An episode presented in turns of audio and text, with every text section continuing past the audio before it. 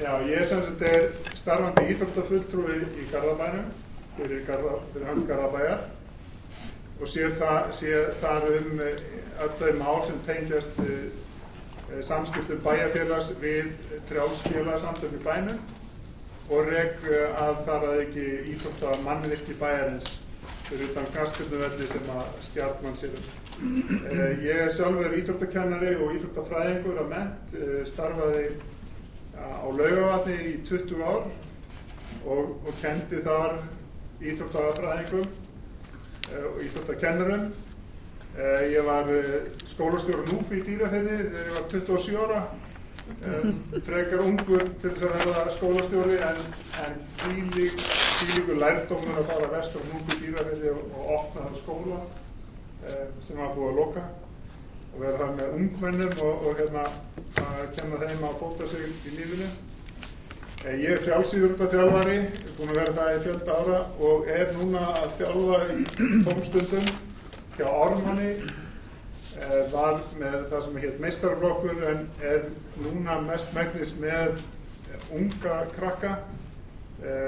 Bæta 2003, 2000, já, 2003 til 94 eh, og ég er líka í landslýsverkefni fyrir Þóruðjá IF og hef verið það síðan 97 þannig að ég snerti ímsa þræði í Íþróttastarfinu.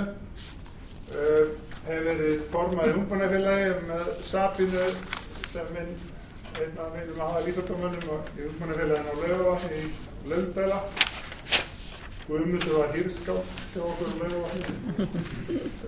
um, en, en ég, ég er að þjálfa fallaðan strák í, og uh, fallaða stelpur en ég ætla að segja ykkur sögu af uh, frábærum karakter í tengslu við þjálfum mína á blindum strák í spretlurum en ég er kannski ekki gemma því ég ætla að geima söguna. Okay. Já, ég heiti Þóróldur Þorlindsson og ég er fyrirverðandi prófessor á Háskóla Íslands. Ég hef sko í langan tíma svona komið að rannsóknum á íþróttum, aðalega úlingum og, og, og en þó fleiri viðfangsefnum.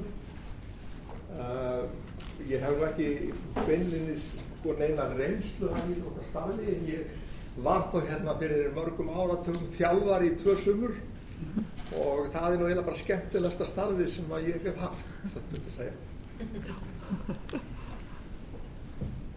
Já, Þorður?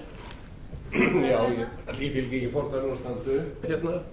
Já, Þorður Árni Hjeltsteg heit ég og formaður kennarsamhansins og ég er fram formaður Íþróttasamhans fallara. Ég er íþróttakennarament, útskrifast um leið og sama ári og Kári var í sama hóp. Þetta var þegar á þeim tíma sem einnig sem var tekið inn annað hvert ár og, og 50 manna hópur tefnilega sem fór þar í gegn.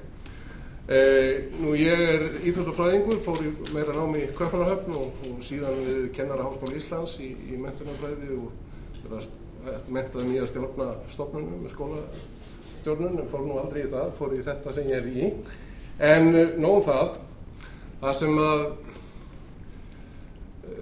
varðandi íþróttir og, og þessa siðfræði þá er bara siði, það er náttúrulega mjög mikilvægt að við náum þessu samtali og förum í það dýpla og mjög mikilvægt fyrir íþróttanir Við erum komið vel að stað í því, það var hérna kvartning frá mann rétt íþrótt á þingi fyrir nokkrum árum um það að menn huguðu að þessu og til dæmis íþróttasamt fallar í kjölfarið, það er þetta að finna á heimasíðu sambandsins, síða svona viðmið og síða reglur, skulum við segja, um það hvernig þeir sem að veljast í stjórnar eða starfsmenn eða starfsmenn nefnda eða veljast til að vera í nefndum, það eigast að það var starf eftir og þetta er að sjálfsögðu bara viðmið. Og að samaskapi þá tók það langan tíma, þegar ég segja eins frá kennarasamönd Íslands, það var mikið landstaða gegn því í byrjun, það var held ég í kringum 2002 á þingi kennarasamönd sem var fyrst fjallað um það að hvort að menn ætti að stjættin ætti að setja sér síðareglur og því var hafnað á, á því þingi og menn töldu það ekki eiga að vera. Það var aftur fjallað um þetta 2005 En ég held að það hafi ekki verið fyrir 2008 að menn samþýttu fóru þessa leið og höfðu þá fyrirmynd frá svíjum. Og við stofnum þá líka síðan ráð. En það er ekki eitthvað ráð sem að tekur að sér að taka við kærum eða taka við og vera dómstól. Heldur er það hugsunin að vera fræðandi, vera að fara út og, og fyrirmynd til dæmis svíja. Við höfum reyndar ekki haft fjármagn í það en erum að þó að veikumætti að vinna þess með kennurum og erum með síðan ráði sem fer út og, og sendir svona písla og, og leiðbeinir. En svíjarnir til þess að stíja það skrif að fara beint út í skólan og vera með fræðslu. Stilla kennurum upp þannig að þið fái bara vandamáli beint í, í andliti. Þannig að hvað gerir þú sem kennari ef það kemur hér nefnandurinn og segir að besti vinnun og kollegi hafi áreitt sig? Bara hvernig ætlar að svara því? Hvað ætlar að gera? Bara beint út. Þannig að, að kennararnir og hópurinn og þetta getur alveg sett yfir á, á hérna íþróttasambandið og okkur sem störfum fyrir íþróttræfinguna hvernig ætlum við að svara og hvernig gerum og hvernig bregðust við þegar okkar einhver nákomin og einhver sem við þekkjum fær eitthvað slíkt. Þannig að ég tel mjög mikilvægt að við séum og þetta á viðum svo margt þetta á bara margt af því sem að hér og þið sem að voru hér með fyrirleistran í morgun voru að setja fram og auðvitað bara almenna sviðið fræði eins og Guðmundur og, og þið voru að setja fram. Þannig að ég tel þetta bara mjög gott fyrir seiminguna að hefja þetta og taka þetta samtal og vestu að það er ekki fleiri hérna í salunum til þess að vera með okkur og ræða þetta. Takk. Komið sæl, ég heiti Gunnar Stígur, kallaði Stígur. En til að notið það að ég vil spyrja með okkur, ef ég segi Gunnar þá kannski svara ekki því ég veit ekki sem ég var að tala við mig. En uh, þó að hérna, Vanda hann har sagt að ég væri ungur, það var eindin og elda mig upp með, með skekkinu, en það er kannski ekki tekist.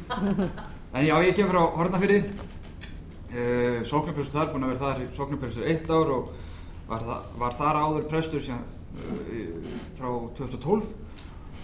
Uh, ég skrifaði reitgerð, B-reitgerna mína reyndan, hérna fyrir nokkrum árum, um trúabröður fótbolta, hvort að fótbolti væri um nýja trúabröður mannsins og velti þeirri spurningu upp og, og fór það meðal hans inn á, inn á þessi mútumál sem hafði þá nýlega þannig séð verið hérna í á Ítalíu þegar Juventus var dæmt niður.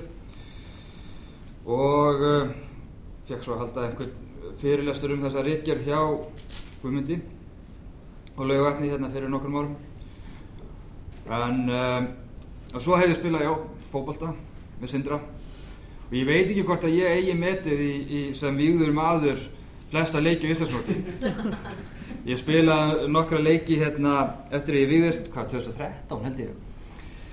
Með ungmennafélaginu Mána í Nesjum sem var svona eiginlega bara bjöldaldalið það er svona, já, bjölið Sindra á þeim tíma, ég held ég náðu einhverjum 7-8 leikjum.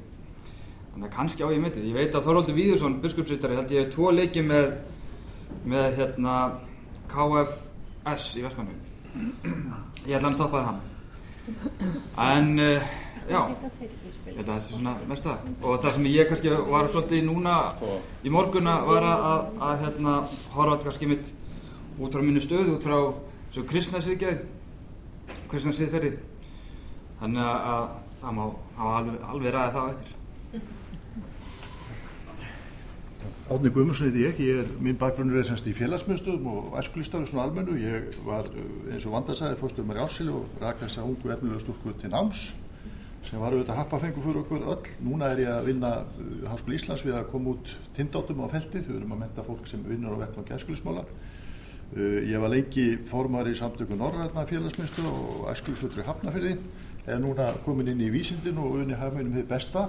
Ég er líka búin að vinna mikið um, í kvennaboltum ég hef búin að gera allt innan kvennaboltast um að spila sjálfur ég hef semst verið elsti boltasækir landsins og, og formaði deildarinnar og hef mikið skipnur á þessu máli hjá, hjá mín ágæta félagi FH og það er annað sem, sem kannski sýtur mig í samíki dagsins. Ég er líka formaði fóröldarsamtaka gegn áfengisauðlýsingum þess vegna hef ég brennandi áhuga á því í hvaða félagskap íþróttræfingin er stundum í og ekki alltaf.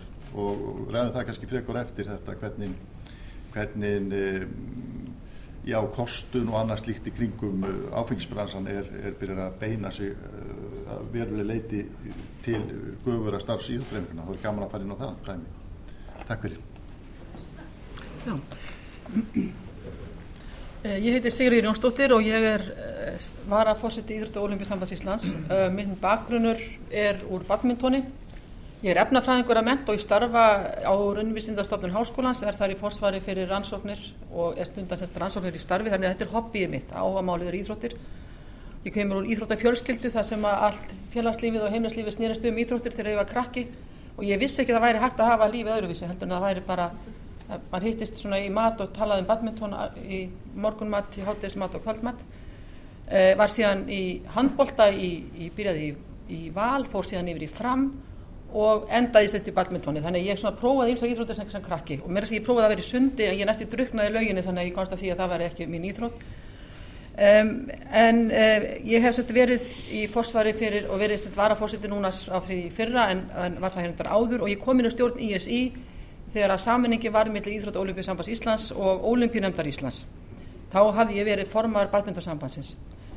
Þau mál sem ég lit mig mikið varða þá og hef staði fyrir voru mentun þjálfara. Ég hef þá einn bara þá trú, ekki það sem trú að bráð, en ég þá trú að þekking sé undirstaða framfara og að menta þjálfara sé algjör líkil atriði því að bæta árangur í íþróttum. Þetta íþjóttilega uppeldi ungs fólks sé algjör fórsenda þess að ná árangri og sumulegist þá talaði ég mikið fyrir því að það ætti að draga úr keppni barna og unglinga og ég fór nú svo sem, ég var ekki svo mikið þakka fyrir það en einhvað síður þessi breytt sem við erum að sjá í dag og einmitt það sem kom hér ámlega þér Samuel Örn áðan að, að foreldrar á hliðalínu sem að þá var talað um hérna fyrir svona 20-25 árum síðan ég held að þetta sé algjör undantekning í dag en það er tekið eftir því að ef, ef að svo er. Íþróttafélagin eru með síðarreglur og bara fyrirmæli til foreldra um það hvernig ég hegða sér á, á íþróttaleikvanginu. Þetta er, lang, þetta er langklöp, ég sömulegis þá innleiti ég hjá ISI að því að ég vildi koma hjá bara íþróttast lífinu á Íslandi gæðastýringu, þetta var voðalega mikið inn hérna fyrir nokkrum árum síðan sem er fyrirmyndafélag ISI og við veitum viðurkenningar en einhvað síður það er bara þetta grunnróta starf eða grásróta starf skulum við segja sem þarf að vera gott. Ef að félagsstarfið í grásrótinni er gott þá leiðir það af sér gott íþróttastarf. Um, varandi erindin hérna áðan og ég ætla að hafa byrjað því að þakka fyrir þau það var frábært að, að, frábært að fá að vera hérna í dag og taka þátt í þessu þetta er svona önnur aðkoma að íþróttunum og það er kannski mál sem að mér langar bara að minnast á sem að er að herja á okkur þegar maður minnst á því hérna áðan sem að við þurfum að standa vörðum það er hagraðing úslita það er livjamisnótkun og síðan kom hann alltaf upp öðru hverju mál sem líka var minnst á hérna áðan. En það má segja að við höfum kannski hjá ISI og hjá Íþróttarhefingunni hild það í gegnum árin hafa komið upp mál sem við höfum verið að vinna að og, og tekið á og reynda að, að, að spórna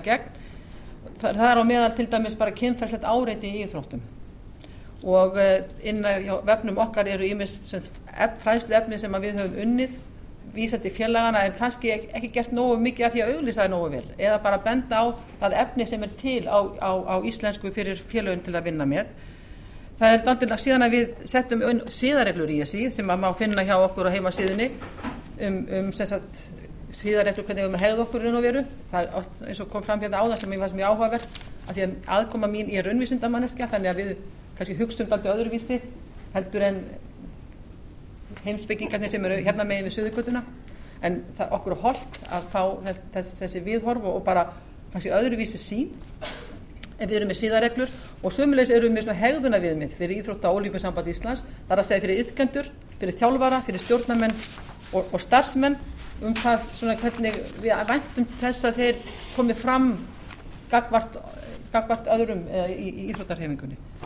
Þannig að hérna, ég held að þetta kannski bara sýnir svona ákveðið en af því að það var verið að segja hérna sögur, að vinnast á hérna áðan sem að ég held að sé kannski alvarlegast af máli sem herjar á okkur, það er hagræðing úslita og uh, það er þannig að það er, sagt, við getum dæmt einhvern á Íslandi en þetta er ekki domstólar sem taka á slíku, heldur domstólar íþróttasamtakana sem eru þá að taka á þessu.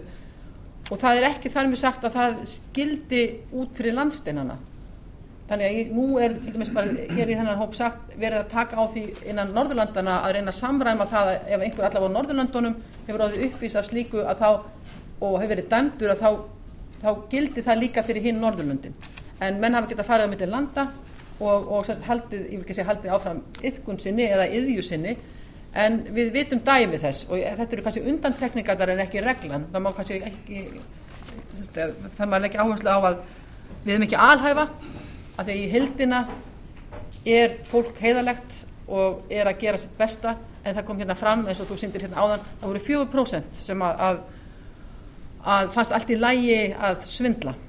En þetta er ekki 95% heldur þá voru aðeins 4% í þessari ko- sko- sem að þarna var gerð. En einhvern síðan kannski bara svona örstu hérna, ekki hafa þetta lengra en ég er kannski búin að vonda að koma að svona aðratriðan, takk fyrir. Já, komið sæl, Sunna Gestatar heiti ég. Ætla að byrja að þakka fyrir góð erindi í morgun. Ég er með bakgrunn í sálfræði og, og íþróttahelsufræði og ég er líka foreldri á börn í íþróttum. En kannski helsta tenging mín við þessa, þessa umræðu er, semst, ég var í frjálsum í gamla daga, segi ég núna. Og þar voru jafnaldrun mína sem ég var að bera mig saman við, þær eru nú flestar fallnar á lifjaprófi. Þannig að, já, þannig að lifja neyslan er svona það sem að brennur á mér. Vil fá að ræða við ykkur í dag. Takk.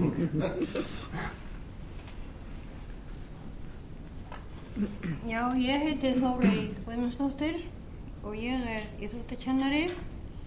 Ég hef lengstum verið við Kennaraháskóla Íslands, fyrst Kennaraskólan, svo Kennaraháskólan og síðan Háskólan.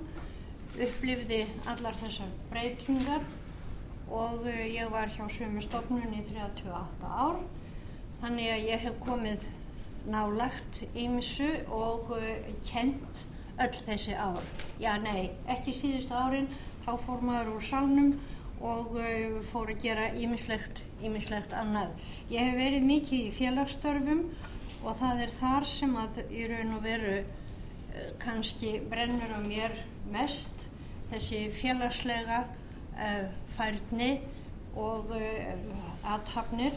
Ég var uh, formaður uh, félags háskólakvenna Ég var formaður bandalagskvenna í Reykjavík, þetta nú meira kvenna starfsemi.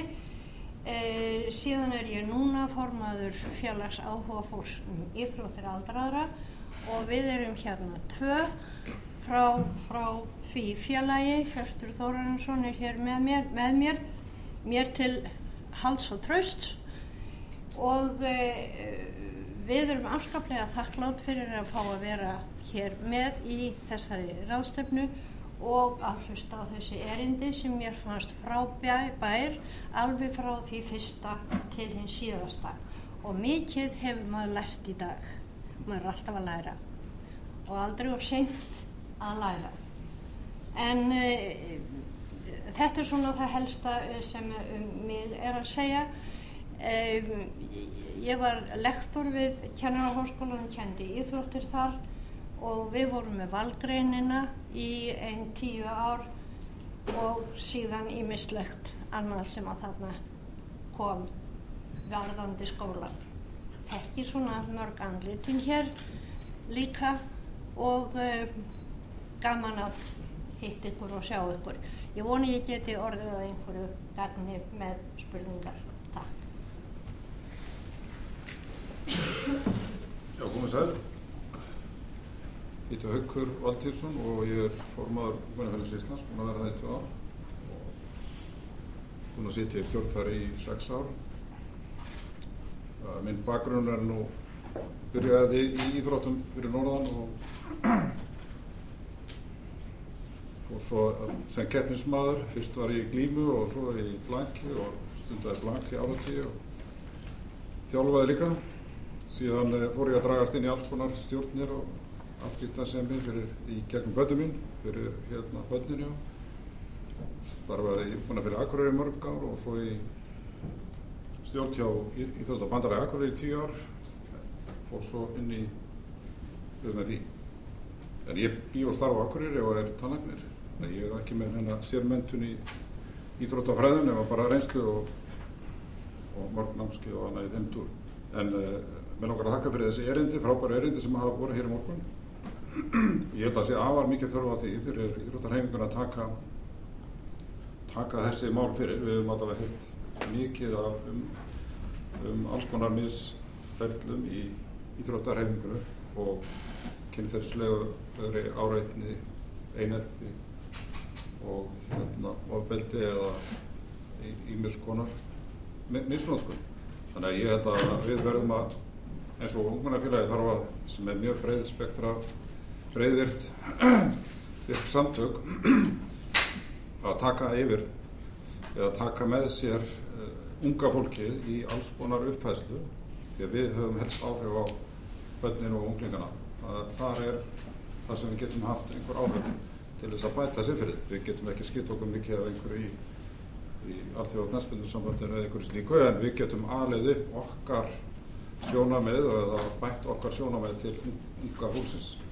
Þar held ég að við þurfum að vinna og nýta okkur uh, eins og þessi, þetta verkværi sín og karakter sem við höfum verið í samstarfi í ESI sem ég held að það sé líka leið fyrir uh, að bæta siðferðinu inn í og fleiri, fleiri verkefni eru í farvættin á milli við með FÍ og ISI sem að við eigum að geta notað okkur í, í þessu skinni en takk í vilja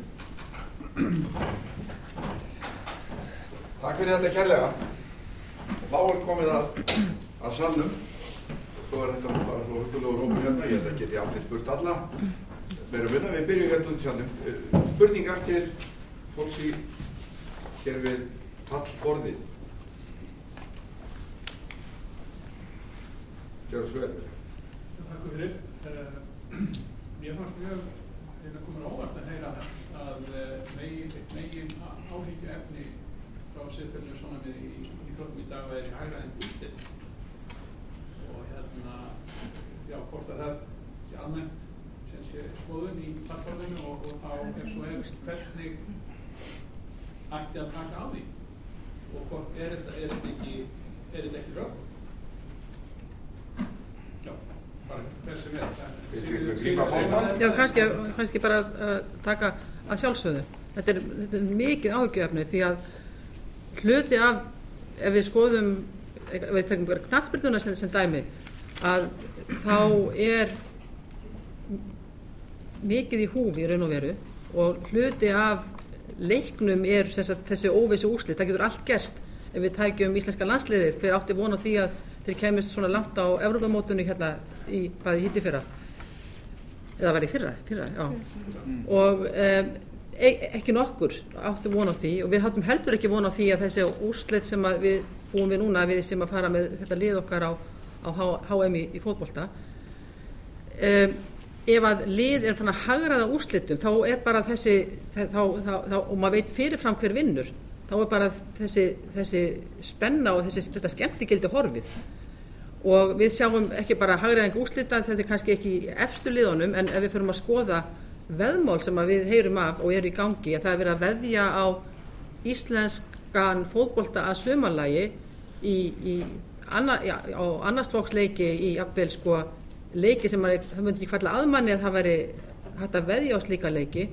Og það er, eru miklu peningar út í hennu stóra heimi sem að eru þannig að, að það getur verið frestandi að ringja í einhvern strák, ég segja þessi strákaleikir, ef við gefum okkur það, ég ætla ekki að mismuna neinum, að ringi einhvern að segja, heyrðu, ef að þú hérna sparkar út af svona innan við fyrstu tíu mínútur bara fáðu innkast, það er verið að veðja á eitthvað slíkt, það er verið að veðja á ótrúlegustu hluti og það er ekki bara verið að veðja úrslitin, það er verið að veðja á ímislegt í leikjónum sem að gera það að verkum að þetta getur verið frestandi. Þú farið iPad, þú getur fengið iPhone ef að þú, þú gerir þetta sagt, það er það miklu um að við, þegar maður fyrir að hugsa um það sem að er í gangi út í nú stóra heimi, varandi veðmál, þá er þetta held ég það sem er virkilega mikið áhyggjuefni fyrir íþróttirnar og heimsvísu, ekki bara hjá okkur, heldur allstaðar og að því að það var minnst á þetta hérna áðan með íþróttir um, gætu þið séð fyrir ykkur dag í heiminum án íþrótta? Gætu þið séð fyrir ykkur dag einhverstað bara um allan heim þar sem var ekkert einasti kappleikur í gangi? Hugsið þetta aðeins. Þetta er svo stór hluti af okkar lífi í dag. Ef við tökum Ísland sem dæmi fólk velur sér á því búsetu í dag á Íslandi að það horfir til þess hvernig búið er að íþróttastarfi í landinu.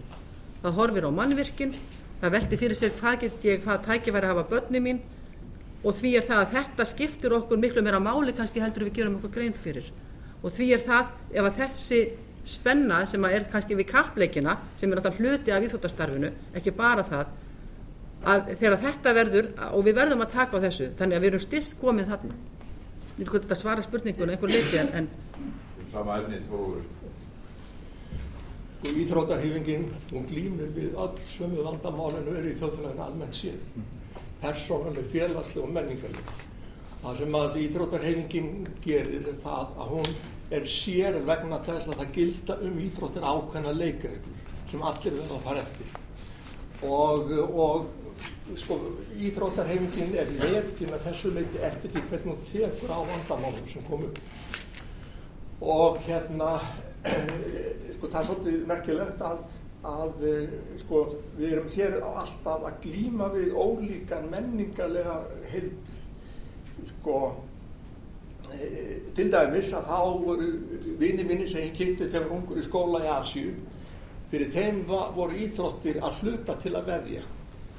Það var bara hluti af íþróttum, hluti af leiknum og hlutum, bara allt allt önnur menning ef við höfum hér á norður, norður og við sjáum þetta mjög vel í greinum eins og fótbolltanum sem þarf að glýma við ótrúlega breytilegt umhverf að það er bara allt annað ballgame sko að glýma við, við sko hlutin eins þau eru gerðir í Nýgeri eða eru gerðir í Svíþjóð þetta er heimur að hafa á villi það er svona skiptir alltaf máli fyrir íþróðar að geta tekið á vandan hvernig þetta alltaf að taka á vandan hvort sem það eru vímefnan vímefnislega ólölu vímefni eða, eða, eða vandi sem verður alltaf meir og meiri er þetta alþjóðlega umhverfi sko. það er vandi. Við höfum ekki lengur stjórn af þessu lokal hvað gerist.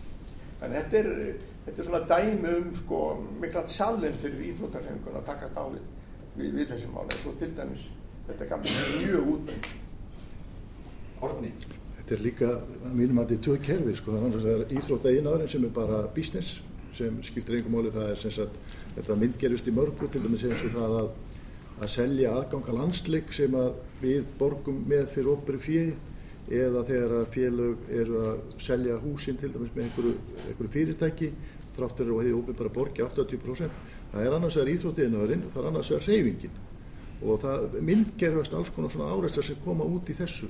Eitt af því er auðlýsingarnar, eitt af því er þetta að þegar að fyrirtækið í bæ getur haft stórfælda fólkur af því að, að, að búa til veðlánastarfsemi sem aldrei kemur neitt íþróttarhefingunni sem slíkri til góða það er að ímsér að, að vasast inn í reyfingakerfi sem ætti að vera einhverju business systemi. Þannig að þetta er á mínum að þetta eilegar áreistra sem að einhvern veginn verður að kvötta á. Ég hef enga, enga þólum að einhverjum, einhverjum alþjóðum fyrirtækjum sem eru að græða peninga. Ég hef eins og að fulla skilning á því merkilega uppbyldistarfi sem íðvöldarhefingar eru, eru að hérna, vinna þannig að þetta er þessi tvö kerfi. Vilja fleiri taka hann að volta? Á spurningum. Fleiri spurningar, gjör þið svo vel. Jú, ég, góðan dag, ég heiti Auður og er hérna framkvæmstur um því. Hef áður settið inn með mér borðið og, og verið starfmaður í Íþróttafélagi, þjálfað dóttura samhans með annars. Um, það sem ég er að velta fyrir mér er að við höfum séð út í hérna, við höfum séð út í hérna alþjóðlega samfélagi Það er ímis viðbröð sem er eftir að grípa við. Normenn þeir loka á greiðsluflæði við, við hérna, veðmálastarsinni, þannig að þessi erlendu fyrirtæki, það er ekki hægt að hérna, kaupa þeirra þjónustu hjá þeim. Malta gerir svipað. Í Danmörk eru nappar á síðan það sem þú getur hérna, nafnlaust tilkynnt einhvern sem er að stunda hérna, komið upplýsingum til, til skila um hverjir eru að gera eitthvað af sér, varðandi lífið eða veðmálastarsinni. Það sem að Hérna, og þetta eru stór vandamál, ég ætla alls ekki að gera lítið úr þeim því að það er bara þannig að við erum upplýsingar um það að hérna, skipilög mafjústarfsemi, hún er að herja á þennan vettvang alþjóðlega miklu, miklu meira heldur en verið hefur og með miklu skipilæri hætti og við ætlum að reyna að bregðast því með veikum hætti hér. En það sem ég er meira að velta fyrir mér, það er hvernig getum við komið skilabóðunum til þeirra sem ég var, hinnum með við borðið og vissi ekki að væri til séregnur vissi ekki að væri til viðbröðsáallur við kynferðis hérna, brotamálum eða, eða hérna, stórmálum í, í starfi íþrótafélagana þurfum við alltaf að búa til einheltis áallun fyrir sveitafélagi, fyrir félagsmyndstunum, fyrir íþrótafélagi, fyrir skólan og skólan og íþrótafélagi þeim er alls ekki tala saman. Hvernig getum við gert þetta bara hér hjá Íslandi? Eigið þið einhver átti mín sem ég get farið með heim? Hvernig getum við gert þetta en þetta virki fyrir krakkar okkar? Því þetta eru sömu krakkarnir sem eru í Íþróttafélaginu og skólanum og félagsmeistinni. Þannig ef þið er einhver tvö, þrjú ráð, þá væri ég rosalega gröð. Þetta er svolítið hérna inn á sveitarstjórnumálum að því ég vinn það. Að þá, þá hefur þetta einmitt komið upp uh, umræðum þetta þegar, þegar Garðabær er með sína eineltis áallun ég vil ekki alveg kalla þetta eineltis áallun því að við erum ekki áallun varnir gegn einelti eða að takast á við það. Eh, og, og ímis önnur mál eins og þú nefnir og þá kom ákall frá stærsta íþjóttarfélaginu um það að þeir gætu orðið aðili að þessar viðbræðs áallum og því teimi sem að bærin hefur yfir að ráða í sínum skólum og í sínum samfélagi. Og einmitt með þessum rökum að, að börnin eru áfram börnin okkar í okkar samfélagi því að það þarf þort til að alveg og, og hérna, að bærin opnaði í rauninni á það að, að íþróttafélagi geti komið vandamálinn inn í skólan eða inn í það, það hérna, umhverfið. Þannig að, að það, er að, það er búið að í reyna, reyna að opna á þetta og, og hérna, ég veit að sveitafélagin vilja að gera þetta. Það þarf kannski aðeins að formfesta að því að uh, félagin vilja líka líta á sig sem frjáls og óháð og leifa ekki sveitafélagunum að koma of mikið með puttana inn í starfinu. En við erum með samstarfsamninga sveitafélagin leggja til fjármagn og bara ykkur að segja þá hérna væri nú ekkert íþórtalíf í starf í landinu ef að sveitafélagin segi ekki um að byggja upp öll mannvirkinn því að ríkið gerir mjög lítið af því. Það eru sveitafélagin sem borga þau, sveitafélagin sem reyka þau og þau eru náttúrulega fyrst og fremst byggð sem skólamannvirki.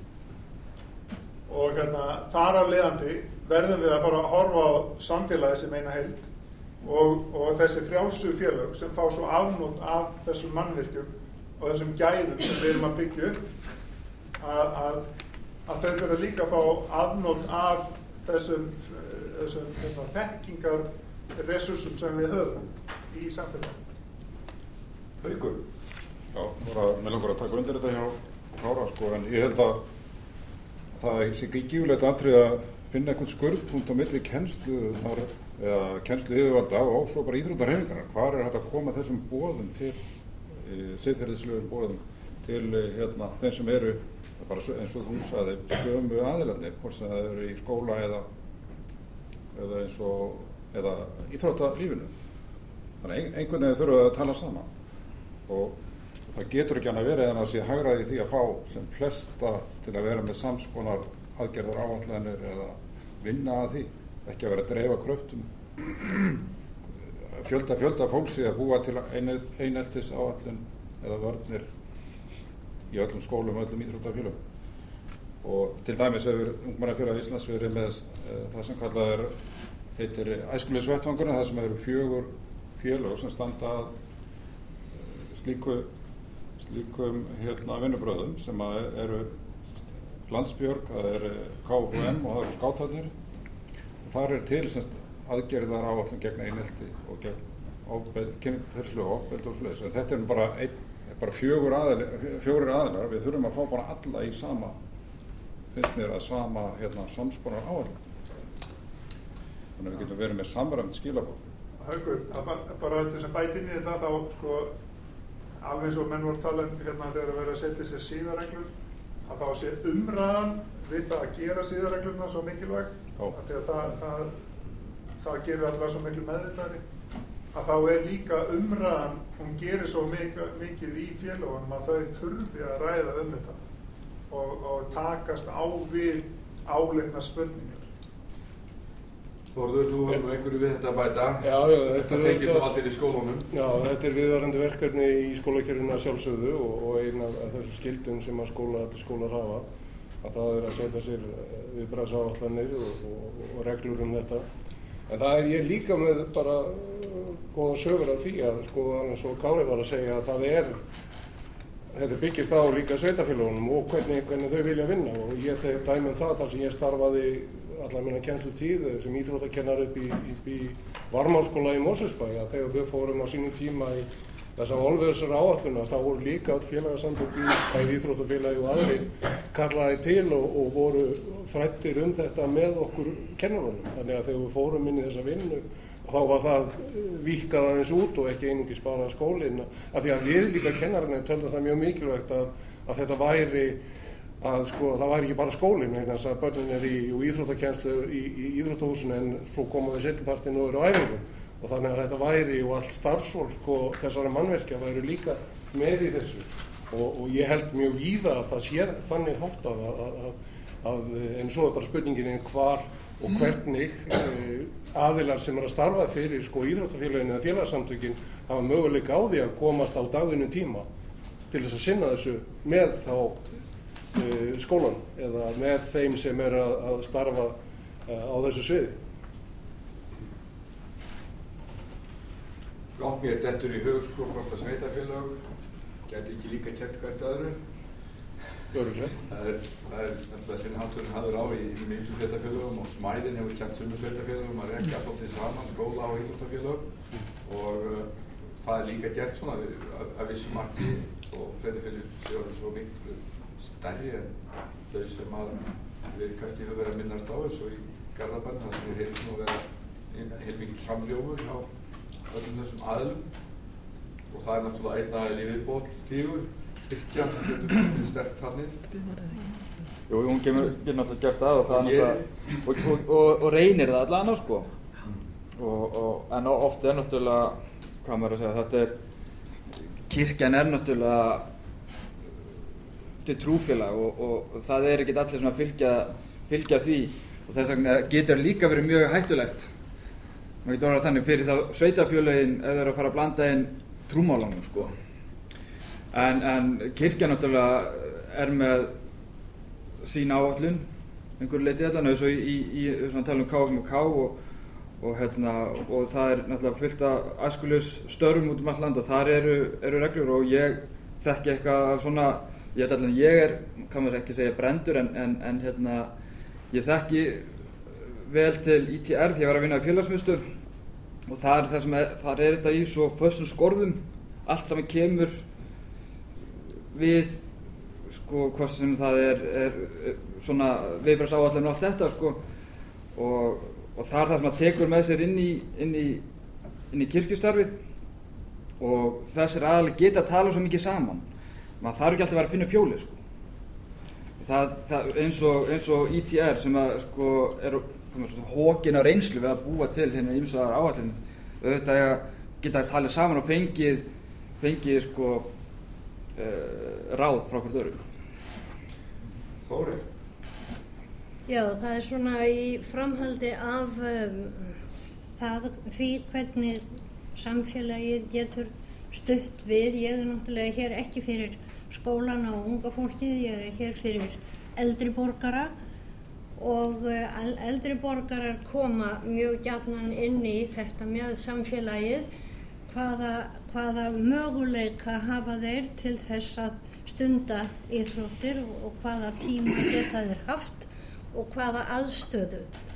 Þarna hefur verið ansi brotinn eh, hlekkur en eh, eftir því sem ég heyri þá er þetta nú að koma á fleiri stöðum. Eh, við í félagi áhuga fólk sem íþróttir aldrara höfum stöðlað að núna í enn 32 ár. Félagi var stofnað 1985 á hverju ári að koma þessum bóðskap fram að hreyfing fyrir eldri borgara er alveg bráðnauðsynleg.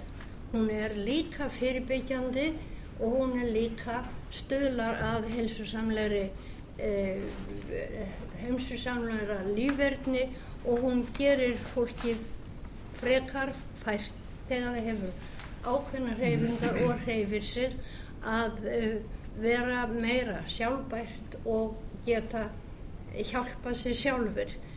En aðstæðan hefur kannski ekki allstaðar verið uh, til staðar en þó hefur þetta breyst alveg geysilega mikið og uh, mér finnst að í þessum, þessum geira sem að ég hef kynst núna í, í sjö ár og í gegnum landsmót 50 plus sem að OMFI stendur fyrir uh, og sem að við höfum átt þátt í að uh, þar hefur komið fram ímislegt sem að uh, bæði er gott og slæmt en þó meira gott vegna þess að það eru svo margir sem að koma þarna sem að hafa og sem að eru að reyfa sig vilja gætnan fá smá keppni og e, þessir aðilar eru miklu þroskaðri heldur en börnin sem að ég kendi hérna einu sinni með keppnisanda og, og allt það. Auðvitað vilja þau keppa og allir vilja reyna að vinna en ég meina þeir samglæðjast hinum líka þeir gleðjast yfir því að það eru einhverju sem að ná líka lengra en þeir gleðjast líka yfir því að fá að vera með og geta verið með. Það er nefnilega svolítið mikið atriði að geta verið með. Það er ekkert gefið mál fyrir mjög fólk á þessum aldri sem er ennþá að taka þátt í þessum, þessum leikum og, og þú kannast nú við það, þú hefur verið þannig svona umsjónamaður eða, eða fréttarítari á þessum leikum og séð alla þá gleði sem að þarna fylgir. En ég hef engar uh, rannsóknir neitt um eldri borgara uh, og hvernig, hvernig þeir hafa, hafa uh, altså hvað, hvaða, hvaða þáttöku þeir hafa í en þó hef ég heyrt að það eru miklu fleiri í dag sem að þykir þetta alveg lífsmáti að taka þátt í einhverjum íþróttum og hreyfa sig annarkot heima eða með uh, hópum eða, eða jáfnvel og, og, og, og það er á margum stöðum þar sem er farið eftir útvarpinu með enni með, með uh, morgunleikvinnminni sem er þar er og þykir mjög gott. Ég hef hlustað á hana, ég hef reyndar farið með henni líka og þetta er mjög góðið þættir og þyrstu raunverulega að vera á miklu fleiri stöðum líka fyrir þetta fólk sem ekki, ekki kemst á annan stað en getur verið heima hjá sér. Já. Eh, brennandi spurninga og svar? Já, bara margar. Við, nú er tíminn fann að vinna svolítið á mót okkur þannig að við fórum snöggar spurningar og snögg svör. Uh, já. Ég er með eina spurning og það vandi um, síð, svona fræðina bak við um, megð okkar til þess að búa til afreiksíþróttafólk og afreiksíþróttafólk og, og þetta að við missum svolítið úr börnin sem að vilja vera þáttakendur sem hafa kannski engan áhuga á kæm þá er kannski aðra að tala um hóp að að vissum að við erum með mörgvar fram í sjöndabæk en svo þingjast æfingarnar og þeim fjölgar í viku og áherslan verður á keppnir og við missum þetta hvað sem sagt þegar við hugsaum um forvarnastarf og fleira hvernig ætlum við að hafa það já, hvað hugsið þið um Lengur grípa bóltan? Ég ég skal byrja þessu, bara vegna þess að við gerum þetta svo í hafnafyrir, þá, þá áskotnaðast okkur íþrótsalur í félagsmyndstum og þá auðlustu við fókbólta einu sinni viku og það komu 80 krakkar sem vildu bara spila fókbólta en nettu ekki vera 6 stundir í viku og ég held alltaf að brottfalli íþróttum ykkur um 13-14 aldurinn er út af því að það er svo ofsala áhersla á því að búa til einhverja rosalega fína einstaklinga. Það er fullt af ólíkur sem hefði gaman að því að spila fókbólta einu sinni viku feitur og mjóður og stóru og litlir og stelpur og strákar bara í, í reyfingarskinni skilji þannig, þannig að við gerum þetta og þetta gekk mjög vel. Það eru margir þættir sem hafa áhrif á brottallur íþróttum. Mm -hmm. sumir þeirra eru innan íþróttarheina sem eru auðvitað og það bara breytir svo margt í lífi úlíkana á þessum árum sem margt sem tókar í það það er hluta að við fara aðstöðu leysi takma eða aðstæðan takmarkar það hvað hægt er að veita sko, algangsmörgum eins og komið fram Þannig ef aðstæðan væri betri, hún er að vera betri, þá getum við tekið, sko, leitt fleirum að vera með og fleirum að halda áfram. Þannig að ég held að séu margir þættir, þetta er eitt af stóru vandamálunum. Það er líka kannski rétt að nefna það að þetta er ekki alltaf sko einfalt þannig. Til dæmis að þá er það þáttur sem spáir fyrir um hvort að hvort ólingar hætta í íþróttum eða ekki er hversu oft í viku þeir æfa. Ef þeir æfa oftar þá eru minni líkur á þetta eftir út. Þannig að það er líka horfa á það að, sko, að það er ekki sko, endilega lausnin að draga úr æfingum. Það er líka heldur ekki lausnin að leifa mörgum ekki að leikast að keppa því keppnin verður alltaf hluti af íþróttum. Það er bara spurning í hvernig hvernig umhverfi við setjum, við setjum þennan leik.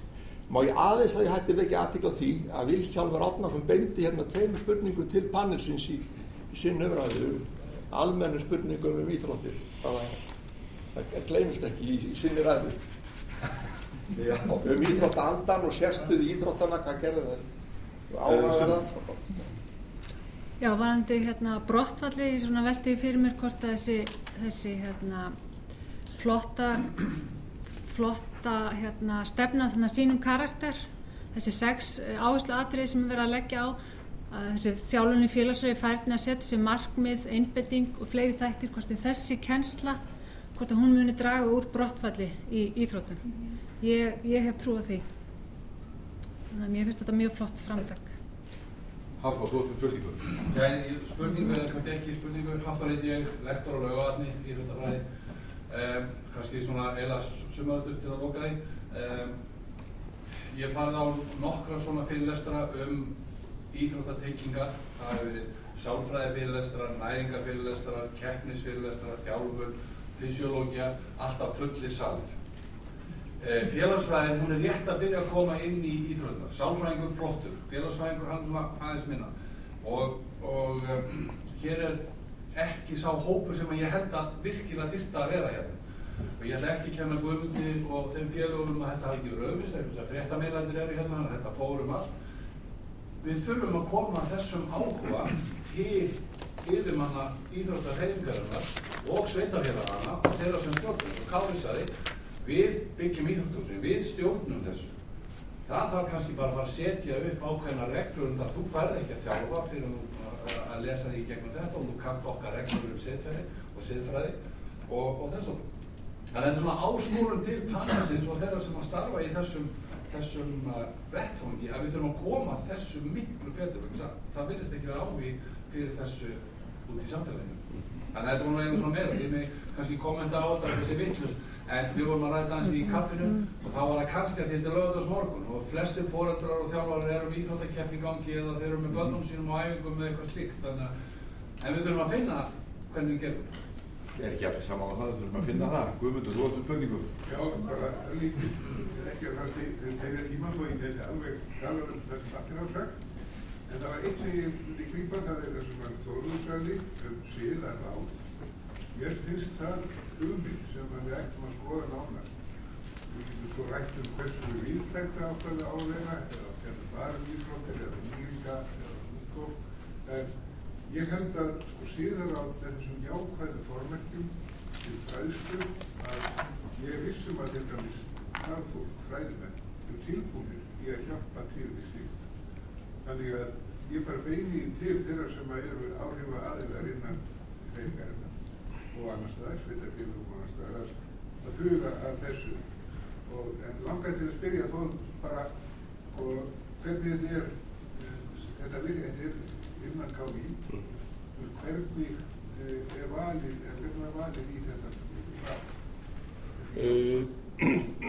Ekki svara. Það er bara þannig að, að eftir hvert þinga þá er endur skipað í alla nefndir og stjórnir og ráð hjá kennarsamlandinu og þá meðal annars þetta þimmanna síðaráð og en auðvitað er reynd að velja og, og það er aðeld að félög kennarsamlandinu fá já, velja eh, sér fulltrúa þannig inn en það er reynd að horfa til þess að fólk hafi einhverja reynslu í þessu málaflöki og, og til dæmis á sem stýrir þessu ráð okkar núna, hann kennir uh, siðfræði í fjölbjörnarskólum á Suðunissi og er það tengdur en, en, en eins og segi, megin líkillin er að, að það er verið að fræða, það er verið að senda frá sér svona efni beint á kennara og uh, síðan hafa verið haldið málþing og, og ráðstefnur og, og það sem að uh, félagsmennum er búið að koma. En ef, ég, ef þetta ætti að vera borðið upp í dag þá myndi nánast allir vera sammála um að þetta var sko grífilegt framfara spór að stíga. Það leikur að minnst einn spurning í loftinu frá Vilhjálmi hérna síðan fyrr og Haugur ætlaði að svara henni. Svo ætlaði Hjörtur að koma með spurningu þar á eftir. Já, hann, hann uh, Viljálmur var að tala um ungmennafélagsandan og er það auglýst eftir honum. Hans mér að hann væri kannski eitthvað hallarislegur. Ég, hérna, mér finnst að það er ekki, ekki sangjant, sko. Og ég held að, já, mér langar bara að vitna því fórsetan sem segir að ungmennafélagsandin sé að einblýna á sjálfan sig og samfélagið um leið. Og ég held að hann sé að þessi ungmennafélagsandin sé í rauninni verðmættur fyrir samfélagið. Það sé fyrir íþrótt og æskulu semvíkuna sem, sem slíkum. Og það má líka bara segja að hann sé, ég vil meina að hann sé smokk svona rótverðnarefni svo hann var að benda á líka. Fyrir, við, við erum svo mikið að hafa áhrif á börn og unglinga. Þa, þar getum við alveg beitt öllum okkar áhrifum. Á jákvæðan hátt, á jákvæðan með siðferði og svo með gleði.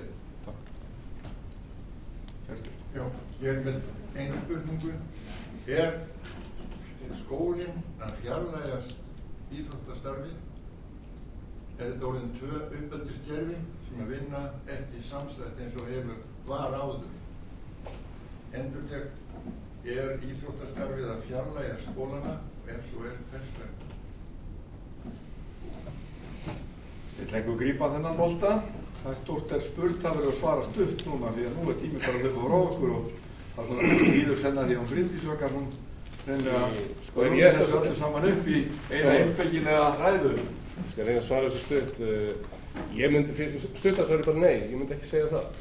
En aftur á mótið þetta eru þetta sjálfhjóðarlega kerfi annars vegar sem er náttúrulega að vinna á fyrir utan oftast dagvinni tíma og, og það hefur um mörgum sveitafélagum verið reynd að tvinna þetta saman, skólan og íþróttir, en það hefur ekki gengið e, nægilega vel, e, af því að auðvitað er þetta er í rauninni tvö sjálfstæð kerfi og kennararnir en, en það er mikill vilji og innan eh, skólana til þess að, að, að efla og, og kerfið sjálft vil hérna auka veg íþróttana eða reyfingar inn í skólanum og, og talað oft um og efla það og það ætti að vera reyfist um dælega en íþróttunar eru þó eitt stærsta, stærsta fæið innan grunnskólans. Það eru þrýr tímar á viku allt öll tíu árin sem nefnandinn á rétt á að fá. Og þannig að, að áherslan er ennþá sterk. En það hefur aðeins reyndar verið vegið af og þessu í gegnum síðust ár það verður að segjast og það er staðið Þóri að stutt og svo lokum við þessu. Nema einhvern vil ég sérstaklega, já, mjög stutt. Varst það þú eða ég? Alveg saman. Já, bara mér langar aðeins bara að koma inn á þetta hér því að okkur er kunnugt um það að það er mjög víða á smarri stöðum út á landi. Það er erfir að koma því við hér í höfuborginni þar sem að, börnin fara í íþróttastarf bara í framhaldið af skólastarfi eða jafnvel innan hefðbundi skólastarfs. Það er að koma þessu við þar sem að við erum með kannski einn eða tvo skóla og svona ekki of fjölmenn samfélög en þannig að ég held að ég tekja alveg undir það að þetta sé ekki rétt, að þetta sé að fjarlægast. Það er reynd eins og hægt er að íþróttastarfi sé í beinu framhald af skólastarfi, þetta er ekki hægt fyrir alla árgangana en fyrir yngstu árgangana er það, er það mögulegt og, og það er mjög víðagert. Dæmi um það er á? Ísafjörðu dæmi, já, Húsavík. Það er eitt langar að taka upp bara östut, það er það að eitt af þessum siðfjörlum álundamálum sem íþróttarhengi verður að fara í fyrir að setna það er áfengsjölusingar íþróttósum og í tengslu við íþróttaviðburði vegna þess að það er alveg ekki skátæðumilum neins það er áfengisjölusingar ekki félagsmyndstöðum en það er á mörgum íþróttavettfengum eru áfengisjölusingar og það er mikill áfengiskultur til dæmis í kringu tólfuna þar sem að menn voru gangandi áfengisjölusingar og annars lítið þetta er mál sem er með þess að íþróttarhengin heild verður að taka á því þetta ber þetta verður doldið svona skuggi sem varpar á annars ákala gott og mikilvægt starfi íþróttarhengarnar þannig ég skur Þessi spurning held ég, þetta er mjög góð spurning. Ég held að Og uh, það er ekki hægt að starfa stutt. En ég held að það sé bara ágætt að fara, að fara heim og glíma við hana. Ég, held, ég veit alveg hvað það meina, út af það um allt annað. Það er sameiginlega grunn, uppbyggðistar gildi og viðþorf og allt svo Þóri. Svona af því að þess er að ljúka að þá er ég hér með eftirfærandi visku orð sem ég langar að láta falla sem ég fekk hjá Hirti hann er okkar uh, hirðskald í félagi áhuga fólks um íþróttir aldraðra og við þökkum alltaf fyrir okkur og kveðjum með einhverjum kveðskap. Og hér er ein sem ég vildi gætnan setja inn hér eins og þú vilt að aðrir geri, aðtöfn þín í sannleik veri, varuð skalt í verki sína og vanda ávalt hegðun þína.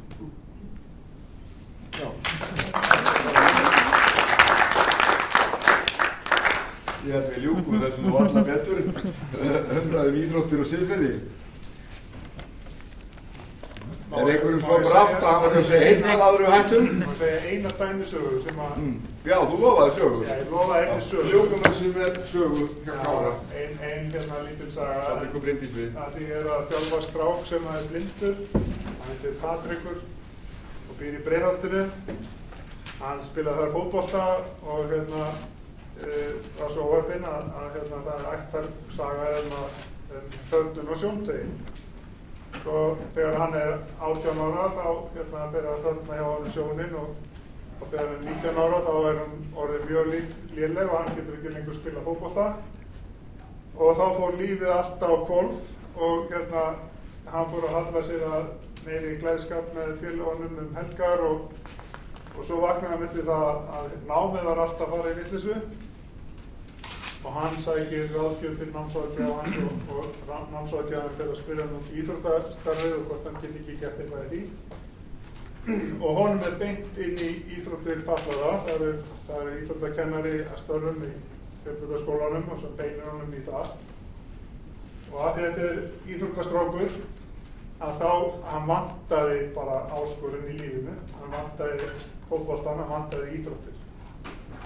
Hann kom til okkar og hérna og það er alltaf erfiðasta skrefið er inn fyrir þröskuldin þið getur rétt ímyndað ykkur að vera blindur og koma inn fyrir þröskuldin á frjálsýþrónda höllinni í lögadal það sem er allt íðan það er hlaupið þarna ring það er hlaupið inn í miðri það er hlaupið utan við. Og hann sér skím þið getur ímyndað ykkur að þið sjáum bara ljósuhlutina hérna inni og svo dökka hluti og ekkert annað og þarna þurfti hann að átta sig á því hvernig hvert hann var kominn.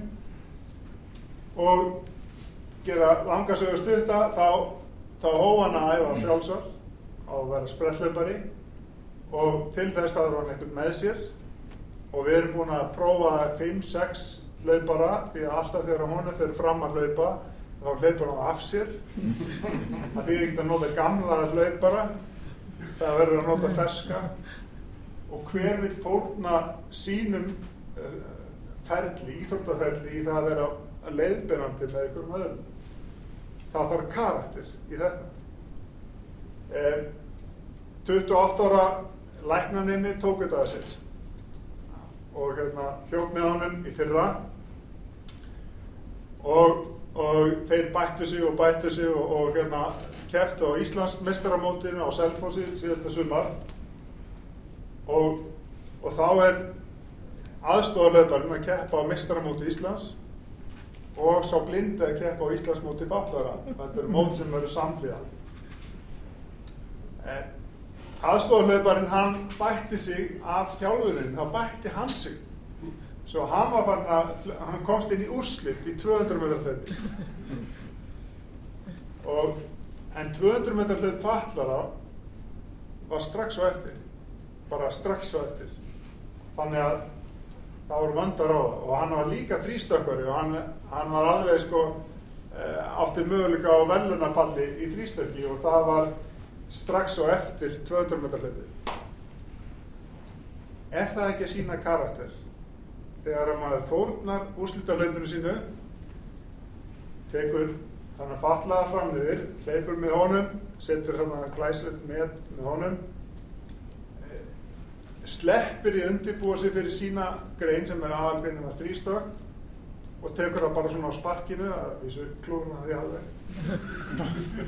En, en sko þetta þetta sýnir mér svo mikinn karakter hjá þessum stráð að, að hérna að fórna sínum ferli fyrir hinn. Og það segir mér að drifkrafturinn í íþróttum, bara starfið í sjálfu sér, hefur svo mikið drifkraft.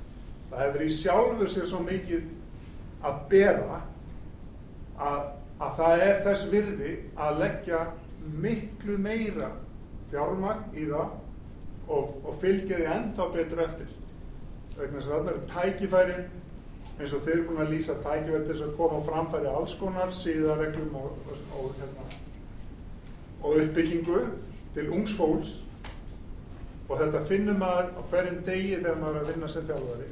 Það er það sem gefur manni kraftin til að fara aftur á æfingu, aftur og aftur í áraræðir til þess að vera að vitna þessu.